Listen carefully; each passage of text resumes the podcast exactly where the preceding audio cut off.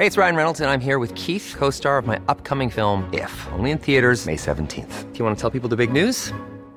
All right, I'll do it. Sign up now and you'll get unlimited for $15 a month in six months of Paramount Plus Essential Plan on us. Mintmobile.com slash switch. Upfront payment of $45 equivalent to $15 per month. Unlimited over 40 gigabytes per month. Face lower speeds. Videos at 480p. Active Mint customers by 531.24 get six months of Paramount Plus Essential Plan. Auto renews after six months. Offer ends May 31st, 2024. Separate Paramount Plus registration required. Terms and conditions apply if rated PG. Everyone knows therapy is great for solving problems. But getting therapy has its own problems too. Like finding the right therapist, fitting into their schedule, and of course, the cost. Well, BetterHelp can solve those problems. It's totally online and built around your schedule. It's surprisingly affordable too. Connect with a credentialed therapist by phone, video, or online chat, all from the comfort of your home. Visit betterhelp.com to learn more and save 10% on your first month. That's BetterHelp H E L P. Burrow's furniture is built for the way you live.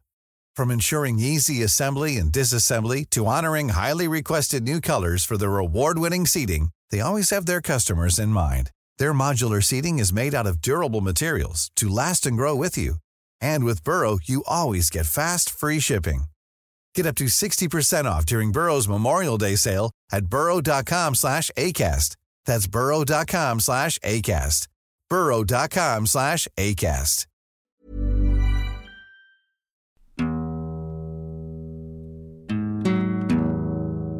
Hei og velkommen til Ordremysterier. Jeg heter Halsten. Jeg heter Silje. Og for dem som ikke har fulgt med på podkasten foreløpig, Silje, hva handler den om i korte trekk? Ja, det handler rett og slett om at vi prøver å grave så godt vi kan i Orderud-saken. Prøve å få opp eh, bevis, både kjente og ukjente. Og prøve å komme et steg nærmere hva som har skjedd. Dette er del tre av vår gjennomgang av 180-samtalen. Ja, og i dag så kommer det bl.a. frem et par opplysninger som ikke har vært så kjent i media fra før. Underveis i episoden så har vi inkludert noen kommentarer fra Veronica Ordrus som vi har intervjua. Resten av intervjuet blir spredd utover i noen episoder, og så blir det lagt ut noen klipp på YouTube etter hvert. Alt vi skal snakke om i episoden her baserer seg på et premiss, nemlig at Lars Grønnerud var 180-mannen. Men det er et premiss som vi verken kan bekrefte eller avkrefte. Men uansett så legger vi det premisset til grunn i diskusjonene framover. Dersom vi legger til grunn at Lars faktisk var 180 mann, hvordan vil du si at det påvirker troverdigheten til Lars? Det er veldig interessant, fordi hvis han, eh, det hadde kommet fram at han var 180 mann uten at han hadde innrømt det sjøl, så er jo det veldig dumt med han som nekter for at han vet noe som helst om drapene. Og i tillegg så sier jo 180 mann du skal få se på TV hva jeg har gjort. Og da føler jeg at han blir knytta veldig, veldig til saken. Det svekker hans troverdighet, kan vi si, for at Lars har benekta enhver befatning med drapene. Ja, absolutt. Fordi hvis 180-operatøren snakker sant, så har jo 180 mann regelrett sagt rett ut du får se på TV hva jeg har gjort. Han omtaler ikke vi, han sier jeg. Sannsynligvis var det jo i hvert fall to personer inne på gården, det må jo sies. Men eh, det kan hende at han har vært med, siden han sier det. Men det kan også hende at eh, Lars eller en annen person bare har vært litt kanskje rusa, som 180-operatøren sier at han framstår, og bare blanda litt og sagt noe. Jeg vet ikke, hva tenker du? Jeg tenker også at det kan ha vært eh, uklart hvis det var flere personer som planla drapene, hvem som faktisk skulle gå inn i huset og gjøre det. Og det kan jo være at på et tidligere tidspunkt så var det kanskje snakk om at 180 mann skulle utføre drapene sjøl, eller sammen med noen andre, og så kan planene ha endra seg senere. Ja. Men eh, generelt så vil jeg jo si at mistanken mot Lars øker jo med den samtalen her, dersom han var 180 mann. På en annen side så var jo Lars den eneste som eh, hadde et alibi da, fra de dømte. I hvert fall var telefonen til Lars på hjemstedet hans i Frogner gjennom hele drapsnatta. Jeg vil jo ikke si at det er et sterkt alibi, da. Egentlig. Samtidig var jo ikke telefonen i bruk gjennom hele natta, så det er jo en teoretisk mulighet for at han kunne ha rukket kjørt opp til Sørumsand og tilbake igjen i det tidsrommet som telefonen ikke var i bruk. Ja. Men det blir bare spekulasjoner. Teledata støtter at det var ringt inn til kontofon to ganger den natta. Ja, så hvis Lars ikke var der sjøl, så må jo noen ha vært i hvert fall i nærheten av leiligheten hans og ringt kontofonen kontofon fra hans telefon, som vil si at da må det være en til person involvert. Og det kan jo være en teoretisk mulighet for det, men det er ingenting som underbygger den teorien eventuelt. Nei, og det er det som taler litt mot hverandre. fordi hvis Lars er 180 mann, så sier han 'jeg skal være med på drapene', men vi ser jo at Lars kanskje ikke var med likevel fordi han hadde alibi. Det kan jo også i forlengelsen av det kanskje svekke mistanken mot Lars om 180-mannen, i og med at Lars hadde et såkalt alibi drapsnatta, og 180-mannen sa at han skulle utføre drapene. Ja, det kan det. Og så er det med at Lars ble beskrevet som en ganske sånn veltalende type, og at han hadde en småborgerlig bakgrunn og var opptatt av å framstå som litt skikkelig. Og at han rusa seg til vanlig. Hvis du skjønner hva jeg mener, kanskje han hadde mer kontroll da, over hvordan han framsto, sjøl om han rusa seg. Som vi sa i stad, så var jo Oddrun litt usikker på når eh, samtalen har funnet sted. Og det tidspunktet som var i Svaleveien, det stemte jo ikke overens eh, med det hun sa først, at det skjedde på ettermiddagen. Men et tidspunkt som kunne ha stemt veldig bra, er tidspunktet Lars angivelig skal ha ringt inn. Fordi den telefonsamtalen som eh, kom fra bensinstasjonen, det var samtidig som begravelsen til Per Paust. Altså den 14. mai. Og da var Marie og Christian ikke hjemme. Altså, det kan ha stemt med at han har forsøkt å få tak i Marie, men som han sier, han visste at hun ikke var hjemme. Og det er jo flere som kunne ha visst eh, at eh, begravelsen eh, skjedde, og at de da må ha tenkt OK, de er ikke hjemme den dagen. Ja, og de som visste at begravelsen fant sted, det var jo blant annet Per og Veronica Orderud, men de var ikke til stede sjøl i begravelsen. Det var det ikke. Per hadde jo den konflikten med foreldrene om overtakelse av gården, Ja. så sjøl om mannen til Anne døde, så ville han ikke dra i begravelsen, og det er jo ganske spesielt, egentlig. Ja, det viser jo på en måte hvor dyp denne konflikten eh, ligger, da. Og han sier jo at han dro ikke fordi han ble ikke invitert også. Han var ikke invitert, så han venta på en invitasjon, rett og slett. Og Veronica skal ha sagt at de burde i hvert fall ha sendt blomster til Anne, men til og med det ville ikke Per. Det Per forklarte om det i retten, var at han var redd for å være til bry, for de sto i en konflikt, og han venta rett og slett på klarsignal fra søstera om at han var velkommen i begravelsen. Men de var i hvert fall ikke til stede, og de som var til stede, det var jo Marie og Christian Orderud, og sønnene til Per Paust, blant annet. Kristin og Lars var nå ikke der. Men spørsmålet er kan 180-endringen ha vært til stede i begravelsen og overhørt noe Anne har sagt angående pinseplanene? Det kan hende, og det er flere som har lufta den teorien, at Anne kanskje har prata med foreldrene sine eller andre personer om hva hun skulle gjøre i pinsa, og at det er derfor 180-mannen vet det. For 180-mannen vet at hun skulle til ordre gård, tydeligvis. Det kan jo være at Anne ofte dro hjem i pinsa. At det var sånn han ikke visste det, men antok det. Det kan hende, men eh, da må man stille seg spørsmålet om Anne brukte å dra hjem med pinsa, eller om det var noe spesielt som skjedde det året.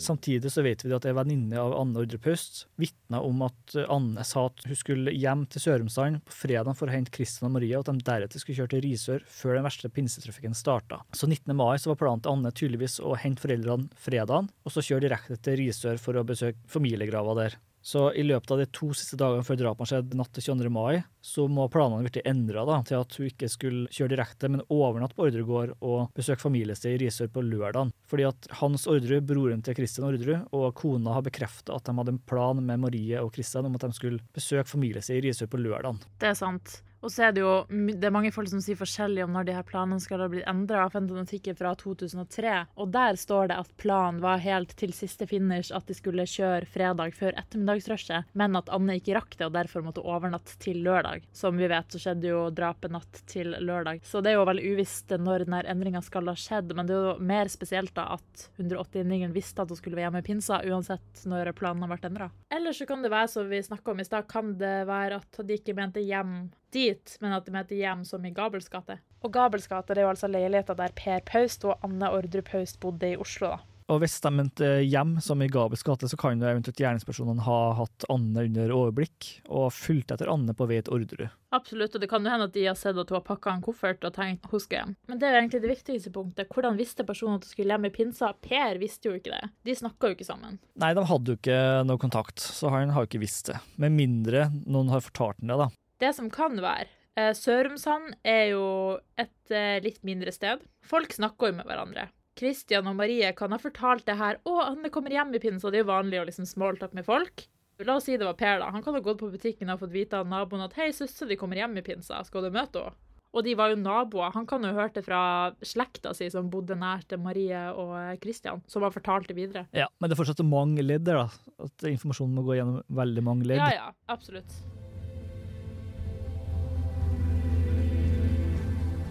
En ting som er interessant uh, i beskrivelsen 180-operatøren gir, er at hun sier at innringeren kan ha nevnt noe om en begravelse, men hun utelukker heller ikke at hun blanda den opplysninga med en annen samtale. Men det er interessant. Og hvis det er Lars, da, har han fått informasjon om en begravelse som skulle skje, som har skjedd, eller som foregikk når han eventuelt tok samtalen? Altså, jeg tenker jo at Hvis en begravelse har blitt nevnt, så er jo den mest naturlige forklaringa jeg kom på, er at 180-mannen kan ha sagt ja, jeg har forsøkt å ringe Christian og Marie, men de var i begravelse til mannen til Anne, så de var ikke hjemme. Og så fikk jo operatøren et inntrykk av at 180-mannen kjente Anne, at han var onkel eller i annen familiær relasjon men husker ikke hvorfor. Og det er jo en ting som kan knytte Per Orderud til 180-mannen, men også sønnen til Per Paust. Hun sa jo først onkel, men det kan jo ha vært en annen familiær relasjon. At hun blander eller bare tenkte onkel fordi han hørtes eldre ut. En annen ting som styrker teorien om at det her skjedde under begravelsesdagen. Aka Lars kan ha vært involvert, fordi det 180-samtalen som skjedde angivelig fra bensinstasjonen, det skjedde samme dag som begravelsen. 1. Christian og Marie svarte ikke. De var nesten alltid hjemme, men de var i begravelse den dagen. 2. Anne svarte ikke, hun var selvfølgelig opptatt med begravelse av mannen sin. Og 3. Han skulle angivelig ha prøvd å ringe leieboeren. En begravelse skjer sånn på starten av dagen, ikke sant, formiddagen. Leieboeren var jo sannsynligvis på jobb på dette tidspunkt, så det er ikke rart at han ikke har fått svar. Men en annen ting som gjør at 14. mai er en dato som kan passe veldig godt, er at dette også var en inneklemt dag rett før helg. Som gjør at det er sannsynlig at sjefen ikke var til stede, altså ikke mottok beskjeden fordi det var en inneklemt dag, og det var 14. mai. Vi har jo snakka litt om ulike motiver som denne innringen kan ha. Men foruten om en slags innrømmelse eller en avvergelse, hva annet kunne motivene ha vært? Det kan jo f.eks. være et motiv om å skremme Anne, og at innringeren ville at operatøren skulle varsle politiet eller media, så det skulle bli en stor sak igjen i offentligheten, i likhet med attentatforsøkene. Spørsmålet er hvorfor skulle man trekke inn Christian og Marie da i samtalen? Men samtidig så handla jo samtalen mest om Anne, egentlig. Og han hadde jo også prøvd å ringe Christian og Marie, virka som. Spørsmålet er kan han først ha prøvd å få tak i Maria og Christian for å legge fram en trussel mot Anne via dem, men så tok ikke de telefonen. Og så utvikla det seg etter hvert til 180. Kunne han ha ringt dem for å si hei, jeg kommer til å drepe dattera deres hvis ikke hun bla, bla, bla, på en måte? En slags attentatskremsel igjen? Det er en spennende teori, men eh, det er veldig vanskelig å si, da, så mye annet i saken her. Absolutt, men det kan være en grunn til at det her utvikla seg til 180. Det er ikke sikkert at han tenkte først i dag skal jeg ringe 180, men at han var ute etter å gi en trussel. Et annet alternativ kan jo selvfølgelig være at han ville advare Anne, eller også foreldrene. Og at han Ja. ringte Anne først, fikk ikke svar, og så ringte han eventuelt til foreldrene for å advare dem om hva som skulle skje med dattera deres. Ja, det er veldig sånn. Vi har jo snakka veldig mye om eh, hvorfor skulle han gjøre det så vanskelig å gå via en 180-operatør, hvorfor ikke rett til politiet? Men kanskje 180-ringeren skulle gå rett til kilden? Men kilden svarte ikke. Ja. Og da ble det på en måte megakomplisert. Og det kan styrke teorien om at det kanskje var Lars som var innringeren, fordi vi vet at da var både Anne, Marie og Christian i en begravelse. Hvis det var den dagen som Øystein Millie legger til grunn i å gå til Orderud, i hvert fall. Men så tok de ikke telefonen, og da kom 180-operatøren inn. Så er spørsmålet hvis han prøvde å avverge, hvorfor prøvde han ikke flere ganger? Men denne samtalen som den var snakk om, det skjedde jo via bakrommet på en bensinstasjon. Og det er jo ikke sikkert at Lars, hvis det var Lars da, eksempel, gjorde det igjen. Da hadde han jo blitt, blitt blanda inn i saken. Det var litt risikabelt. Det er ganske risikabelt, for du kan jo bli spora opp, og han ble jo nesten spora opp også hvis han var 180-mann. Ja, ikke sant? Og det er det jeg tenker at han prøvde, og han ga opp, og til slutt så måtte han bare si til 180, og så tenkte han jeg tør ikke å gjøre det igjen, fordi han kunne ikke komme tilbake til kompisen bare kan ha låne telefoner igjen, det hadde vært veldig suspekt, og da kunne de jo ha funnet det fram sikkert, ikke sant? Det kan jo at også 180-mannen tenkte at operatøren ga beskjeden videre til politiet, Ja. og at det bare ble holdt skjult fra media. Det kan jo være en mulighet. Absolutt. Så kanskje han så for seg at politiet sto klar ved kårboligen for å stoppe gjerningspersonene natt til 22. mai. Ja, det er ikke så dumt, faktisk. Og da skjønner jeg at Lars ikke prøvde igjen, fordi hvis han tenkte politiet fikk svar da, og han ringte med en annen telefon som igjen kunne spores opp til Lars, da hadde det vært veldig dumt at Lars skulle vært kobla til de flere ganger, på en måte. Det er sant. Fordi la oss si politiet hadde fått Ok, det her er veldig interessant. La oss si politiet hadde fått svar. Da hadde de sannsynligvis tatt kontakt med Marie og Christian og Anne og sagt hei, noen er ute etter dere, ikke sant? Og hvis da Lars hadde ringt dagen etterpå og sagt hei, dere blir drept, så hadde jo de sagt å, vi har han som skal gjøre det, han heter Lars Grønnerød og sitter i Oslo, på en måte. Men uavhengig av hvem det var, det hadde vært så lett å spore den opp hvis han trodde politiet allerede ble involvert. Til den teorien om at det kunne vært snakk om avverging, at 180-mannen ville avverge drapene, så kan vi trekke fram et eh, avsnitt i boka 'Orderud avrende løgnene de nye sporene' av Øystein Millie og Olav Næss. Der har forfatterne et ankepunkt mot denne teorien som vi nettopp har lansert, om at det var snakk om å avverge drapene. De skriver ville ikke en mann, hvis formål var å avverge ugjerningen, ha uttrykt seg langt mer i klartekst om at Kvam måtte slå alarm, heller enn å forsikre seg om at hun hadde taushetsplikt, før han innviet henne i drapsplaner. Hva tenker du om det ankepunktet? Vet du hva, jeg tenker at jeg er ganske uenig med Millie der, og grunnen er fordi 180-innringeren, hvem enn det var, ringte fra fullt nummer. Hadde han sagt det skal skje et drap, og sagt jeg skal være med på det, selvfølgelig hadde jo politiet kommet rett på døra til han og avhørt han, ikke sant? Så jeg tenker at det var altfor risikabelt. Jeg tror, som vi snakka om i stad, han prøvde å avverge direkte. De tok ikke telefon. Det endte hele greia med 180, og han kunne liksom ikke si det rett ut, fordi hun hadde jo ringt politiet. Videre argumenterer Øystein Mille og Olav Næss for at 180-mannen ville ha uttrykt seg mer i klartekst om at hun måtte slå alarm, men jeg vil jo si det at å si at du skal drepe tre personer i pinsa, og at du navngir hvem det er, at det er så konkrete planer, det er et veldig tydelig varsel om hva som faktisk skal skje. Det er sant, og hadde det vært tydeligere, så hadde jo 180-operatøren måttet sende politiet hjem til han med en gang. Hvis han hadde vært sånn 'Jeg skal drepe deg nå, prøv å stoppe meg', ikke sant. Da hadde jo hun ringt politiet, og de hadde kommet på døra med det samme. Så det er så klart du kan si det uten at det personlig går utover innringeren med det samme. I tillegg til det, ok, det her blir jo en litt spesiell teori, da, men uavhengig av hvem det var Hvis denne personen ville distansere seg sjøl, kunne det hende at denne personen på en måte lata som han var Per, om du skjønner. At han skulle gi inntrykk av at han var Per sånn Hei, jeg skal drepe Ja, den teorien har jeg faktisk hørt før. Jeg tror jeg leste det på et eh, forum en gang. Og det er jo noen momenter som kan trekke den retningen. Eksempel at han snakker om gården, at han nevner leieboeren. At han eh, nevner at Anne har vært i utlandet, og at han vet om at Anne har skapt problemer i familien. For det er jo elementer som eh, kan ramme Per. Pluss at han nevner Marie som mor ved en anledning. I tillegg til at han sier setninga 'hun vil bli overraska av å høre fra meg'. Og det ville jo Maria blitt, fordi Per hadde ikke tatt kontakt på flere år. Ja. Så det her kan jo være et setup for å én ramme Per, to avverge drapene. Og når det gjelder Øystein Millie og Olav Næss, så har jo de sin egen teori i den boka vi nevnte. De skriver, og jeg siterer, For oss fremstår det som om det mest sannsynlige formålet var å skaffe til veie telefonnummeret til Anne, Christian og Marie, men at tilfeldigheten gjorde at samtalen ble dreid innom flere andre temaer. Ja, og det er en interessant teori, men når de har vært så forsiktige ellers i saken, hvorfor være så uforsiktige og ringe med fullt nummer og spørre om nummeret deres? Et motargument mot det, det er jo at innringeren kan ha vært rusa, som også operatøren antyder. Ja, og det er da jeg tenker at Hvis teorien til Øystein Millie og Olav Næss er riktig, så er eneste argumentet at da må personen ha vært rusa. Fordi ingen er så uforsiktig og bare plumper ut med det bare opsi, da må man på en måte ha vært veldig rusa. Det tenker jeg òg, ja. Men et argument som taler for at 180-ringen faktisk ville ha tak i numrene til Anne, det er jo at eh, han sier sjøl i samtalen at han har prøvd å ringe henne, men ikke fått svar. Operatøren gir jo diverse nummer tilbake, og så sier han det at det har jeg sjøl, liksom. Så det tyder jo på at han har sittet med noen nummer, da, men ikke fått svar, eller kanskje spekulert på om han har hatt feil nummer i sin besittelse. Absolutt det er et sterkt indusum for det, men det kan jo like godt være fordi at han skulle ringe og avverge. Så det sier bare at han har prøvd å få tak i numrene. Det kan jo være snakk om å få tak i nummer for å avverge. Ja, fordi jeg tenker, La oss si det var Lars, for eksempel. Da. Vi har sagt det veldig mye, og han kan jo ikke forsvare seg sjøl. Og det skal jo sies at han har jo sagt flere ganger at han ikke har gjort det. Og da Øystein Mille ringte han for noen år siden, så sa han fortsatt nei, jeg har ikke gjort det. Men når vi er på den Lars-teorien, da. Hvorfor skulle han ha nummeret når de skulle drepe Anne? på en måte? Per hadde det jo garantert, han var jo broren, liksom. Hvorfor må han ringe operatøren for å få tak i nummeret til Anne eller foreldrene til Per? Da kan jo det tale mot at Per ikke er involvert, da, hvis ikke han visste om at eh, Lars trengte numrene. Ja, det er sant. Men det som skal sies da, er at Lars kunne jo sikkert ha fått tak i nummeret på en lettere måte hvis det, hvis det var drapsrelatert. da. Men han var jo masse på ordre gård. Tror du ikke Per hadde en telefonkatalog eller en sånn eh, telefonliste liggende? Jeg føler at alle på den tida hadde en telefonkatalog ved sida av telefon, fasttelefon. Ja, og i tillegg en sånn egen liste med nummer de pleide å ringe ofte. Han kunne jo bare tatt en rask skikk på den når Per gikk på do, lagra nummeret, ferdig smerdig. Han hadde ikke trengt å ringe en 880-operatør da,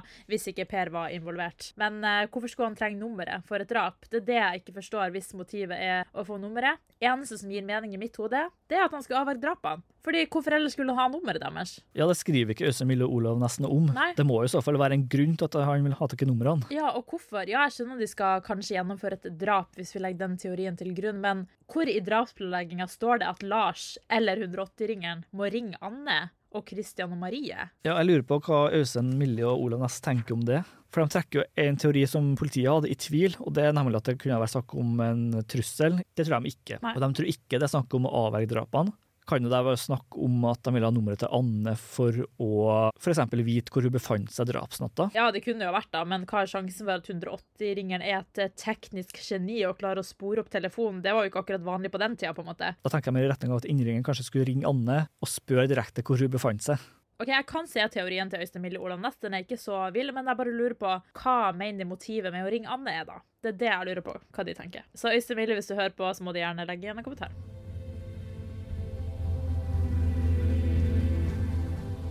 Når det gjelder hovedsporet til politiet, som var Svaleveien 3, altså barndomshjemmet til Kristin Kirkemo og Veronica Orderud. Så har vi et punkt som vi kan nevne tidligere, det er at Fredrik begynte å låse døra til kontoret når han ikke var der. Ja, så hvis en person skal ha gått inn i rommet, så må han ha fått tak i nøkkelen på et vis. Det må han sikkert ha gjort, da, hvis ikke det var flere nøkler i huset. Det er noen hus der du har Ja. samme nøkkel til forskjellige dører. Det kan jo hende. Ja, ja.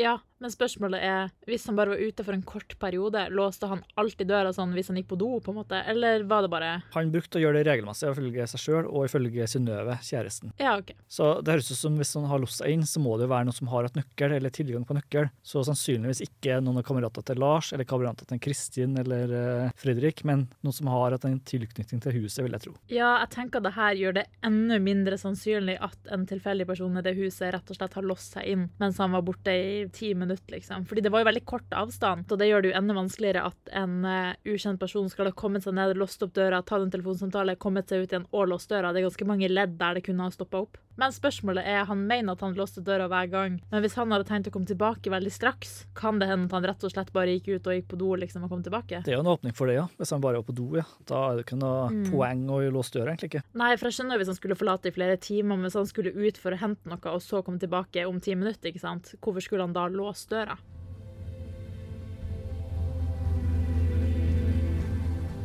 Videre så var det enda flere momenter rundt Svaleveinsporet som ikke kom med på Gåten Ordru på NRK. Veronica Ordru utdyper i et intervju med oss hva hun mener burde ha kommet bedre fram i serien. Men jeg syns egentlig det er ganske mye som ikke kom så godt frem der. Og jeg syns de brukte mye ressurser på tøv, egentlig. da, Og også på ting som politiet egentlig allerede har ettergått og utelukka. Sånn som blant annet så brukte de jo tid på den telefonsamtalen, 180-samtalen, eh, hvor de påpekte at politiet også hadde undersøkt om den kunne ha kommet fra Svalveien. Og der er det jo et avhør fra faren til Kristin, hvor han påstår at da han hadde hentet i barnehagen, så hadde han sett bilen til Per stå i, utenfor huset der. Eh, har jo han sagt, ikke sant, for å liksom knytte Per til dette da, og 180-samtalen. Og dette ettergikk jo politiet med en gang. De gikk jo rett i barnehagen de og sjekket når han hadde hentet ungen. Og han hadde ikke hentet ungen før klokken fire, eller noe sånt, noe som overhodet ikke stemmer med tidspunktet for denne samtalen. Så de sjekket jo det ut av saken allerede da, og allikevel så bruker de tid på det i Godt Nordre. Altså, det er litt sånn underlig prioritering. Jeg forstår det ikke. For øvrig var tidspunktet for den aktuelle 180-samtalen fra Svalevenn klokka 11.34. Det bringer meg videre til neste punkt, som er 180-gåten. Da er det jo nye opplysninger i boka til Øystein Millie og Olav Næss om at Lars Grønnerød kanskje kunne vært 180-mannen. Hva tenker du om det? Jeg tror det ikke. fordi at eh, Nå skal ikke jeg si at jeg kjente Lars Grønnerød sånn kjempegodt, men altså ut fra det kjennskapet jeg har til Lars Grønnerød, så var ikke det hans måte å snakke på eller å formulere seg på. Han var eh, Altså, han er jo oppvokst på beste vestkant. Eh, av god familie, da, hvis man kan si det i våre dager. liksom. Så at han eh, snakket veldig velformulert og, og skikkelig og ordentlig. Og var veldig høflig. Så det er liksom ikke sånn jeg kjenner han. Det ville forundre meg. Ja, for 180-mannen ble beskrevet som litt eh, rusa, kanskje. Det kunne jo i og for seg Lars Grønnerud vært, uten at jeg har sett han. Men, men jeg syns det er så rart hvis han plutselig da skal snakke helt annerledes enn han vanligvis gjør. For jeg mener, jeg, har jo, jeg overhørte jo til og med en krangel mellom han og Kristin, og det var jo ikke sånn ubehøvla ordbruk. Og så er spørsmålet om du og Per mottok noen merkelige samtaler i april-mai 1999 som kunne ha lignet på 180-samtalen. Altså, det husker jeg ikke nå. Det kan jeg ikke huske. Jeg vet jo at Per har gjort det nå i etterkant, da, men, men uh, Og det er jo anmeldt. og- Men uh, jeg kan ikke huske om det var noe sånt i forkant. Og i nyere tid så har det også vært eh, litt eh, telefonterror som har skjedd. Per Orderud ble oppringt i fjor av en mann flere ganger, og han anmeldte jo han også. Det var snakk om oppringninger og tekstmeldinger. Ja. Det mest oppsiktsvekkende var en tekstmelding om Per savna søstera si, og videre i den samme meldinga så skriver personen 'Ops, jeg drepte henne også'. ja, det er veldig interessant. Jeg lurte på, fant politiet ut hvem det var som hadde ringt Per? Det gjør de fordi at Per visste jo hvem det var, og han leverte en anmeldelse til politihuset sammen med Tore Sandberg. Spørsmålet er om de har sjekka opp om denne personen har vært involvert i saken, men det er ikke sikkert de har gjort det, fordi saken er jo på en måte stengt. Vedkommende var en del av sakskomplekset i sin tid, men er på en måte sjekka ut av saken. Og det er jo interessant hvis gjenopptakelseskommisjonen skulle ta opp saken, om det f.eks. blir tatt med, fordi det er jo et interessant nytt bevis som ikke var oppe i saken da. Men spørsmålet er jo om det var en reell erkjennelse, eller om personen bare skrev det for å være ekkel mot Per. Jeg vil jo tro at personen skrev det bare for å være ekkel enkel, men altså Man vet jo aldri. Men man vet jo ikke hvorfor personen eh, terroriserte Per med masse meldinger og telefonoppringninger. Nei, altså, jeg tenker jo at det kan jo være snakk om noen som kanskje ikke har det så greit, og bare er litt ute, kanskje. For det er jo ikke normal oppførsel å drive med telefonterror, i hvert fall ikke så drøyt, så jeg tror kanskje ikke personen har vært med sine fulle fem. Nei, og det må jo være en veldig ubehagelig opplevelse for Per å få eh, en sånn tekstmelding. Absolutt, og spesielt hvis Per ikke er involvert og faktisk ikke vet hvem som har drept søstera. Da må jo det være skikkelig ubehagelig å vite at han kanskje sitter på telefonen med et potensielt eh, gjerningsmann, da. Ja, og han tok det jo seriøst og leverte en anmeldelse av mannen. Det som er interessant, er at det kunne jo på en måte ha vært noen ungdom som tulla med Per, men hvis personen var en del av sakskomplekset i 99, så må det være en person som har vært involvert, og som kanskje er litt oppi åra, for det er jo en stund tilbake. Personen sier jo sjøl i en artikkel med TV 2 at det her er bare tull og tøys, men han fikk jo en bot for eh, atferden mot Per Orderud. Det ble omtalt som hensynsløs atferd. It's that time of the year. Your vacation is coming up. You can already hear the beach waves, feel the warm breeze, relax, and think about work. You really, really want it all to work out while you're away. Monday.com gives you and the team that peace of mind. When all work is on one platform and everyone's in sync, things just flow wherever you are. Tap the banner to go to Monday.com. Everyone knows therapy is great for solving problems, but getting therapy has its own problems too, like finding the right therapist, fitting into their schedule, and of course, the cost. Well, BetterHelp can solve those problems. It's totally online and built around your schedule. It's surprisingly affordable too. Connect with a credentialed therapist by phone, video, or online chat, all from the comfort of your home. Visit betterhelp.com to learn more and save 10% on your first month. That's BetterHelp, H E L P.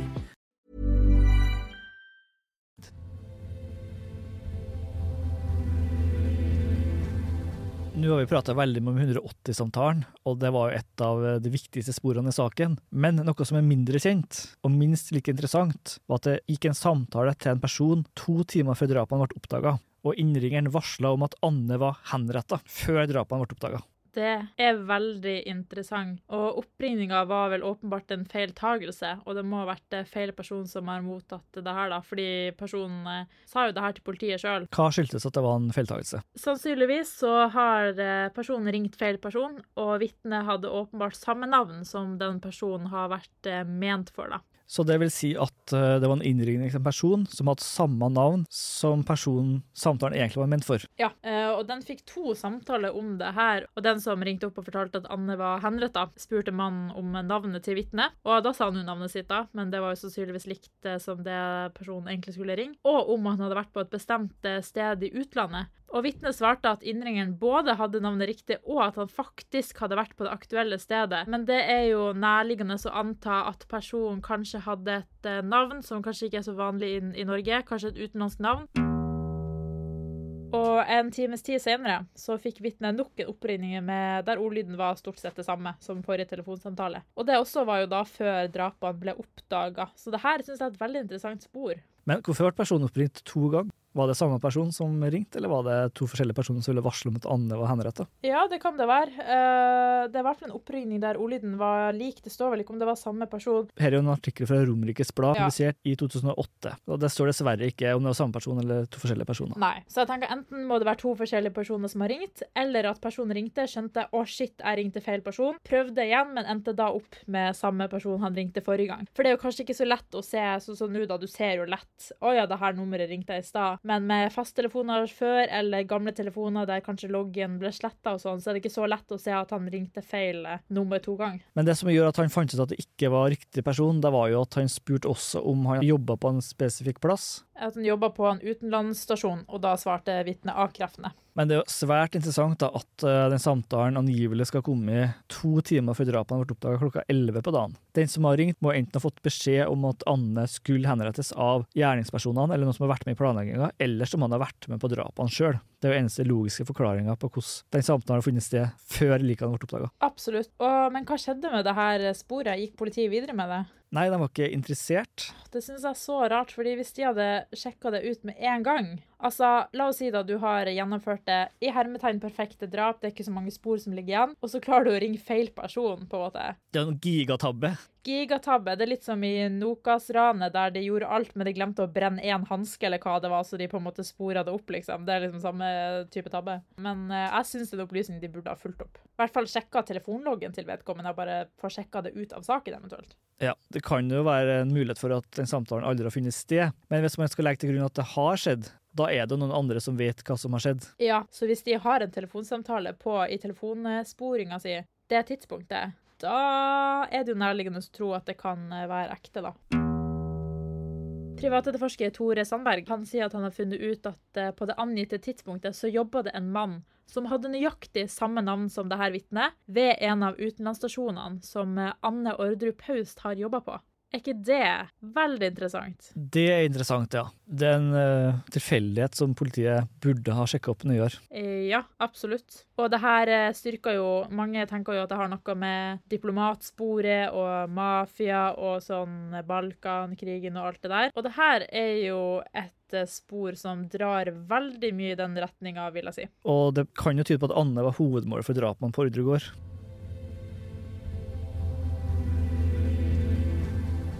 I neste episode skal vi gå nærmere inn på attentatforsøkene mot Anne Ordre Paust og Per Paust, og sjekke ut diplomatsporet nøyere, og om Anne som sagt kunne ha vært hovedmålet for drapene. For du har jo 180-samtalen, som retta direkte trusler mot Anne, først og fremst, og et hat mot henne, og så har du de to attentatforsøkene, og så denne samtalen i ettertid som sier at Anne er henretta. Så det er flere indisier som peker i den retning. Ja, i tillegg til at flere folk har opplyst at det kan ha vært en del konflikter i forbindelse med jobben hennes og de relasjonene som hun hadde der, da. Hvis dere likte podkasten vår, husk å dele den med andre, og vurdere den på Spotify. Og gjerne med fem stjerner. Ja, det har vært veldig hyggelig. Vi blir veldig glad av å se tilbakemeldingene deres. Følg oss også på Instagram og på TikTok, og der heter vi for Ordremysterier. Og så har vi også en YouTube-kanal der vi legger ut supplerende videoer hver måned. Takk for nå, og ha en fin dag videre. Ha det bra!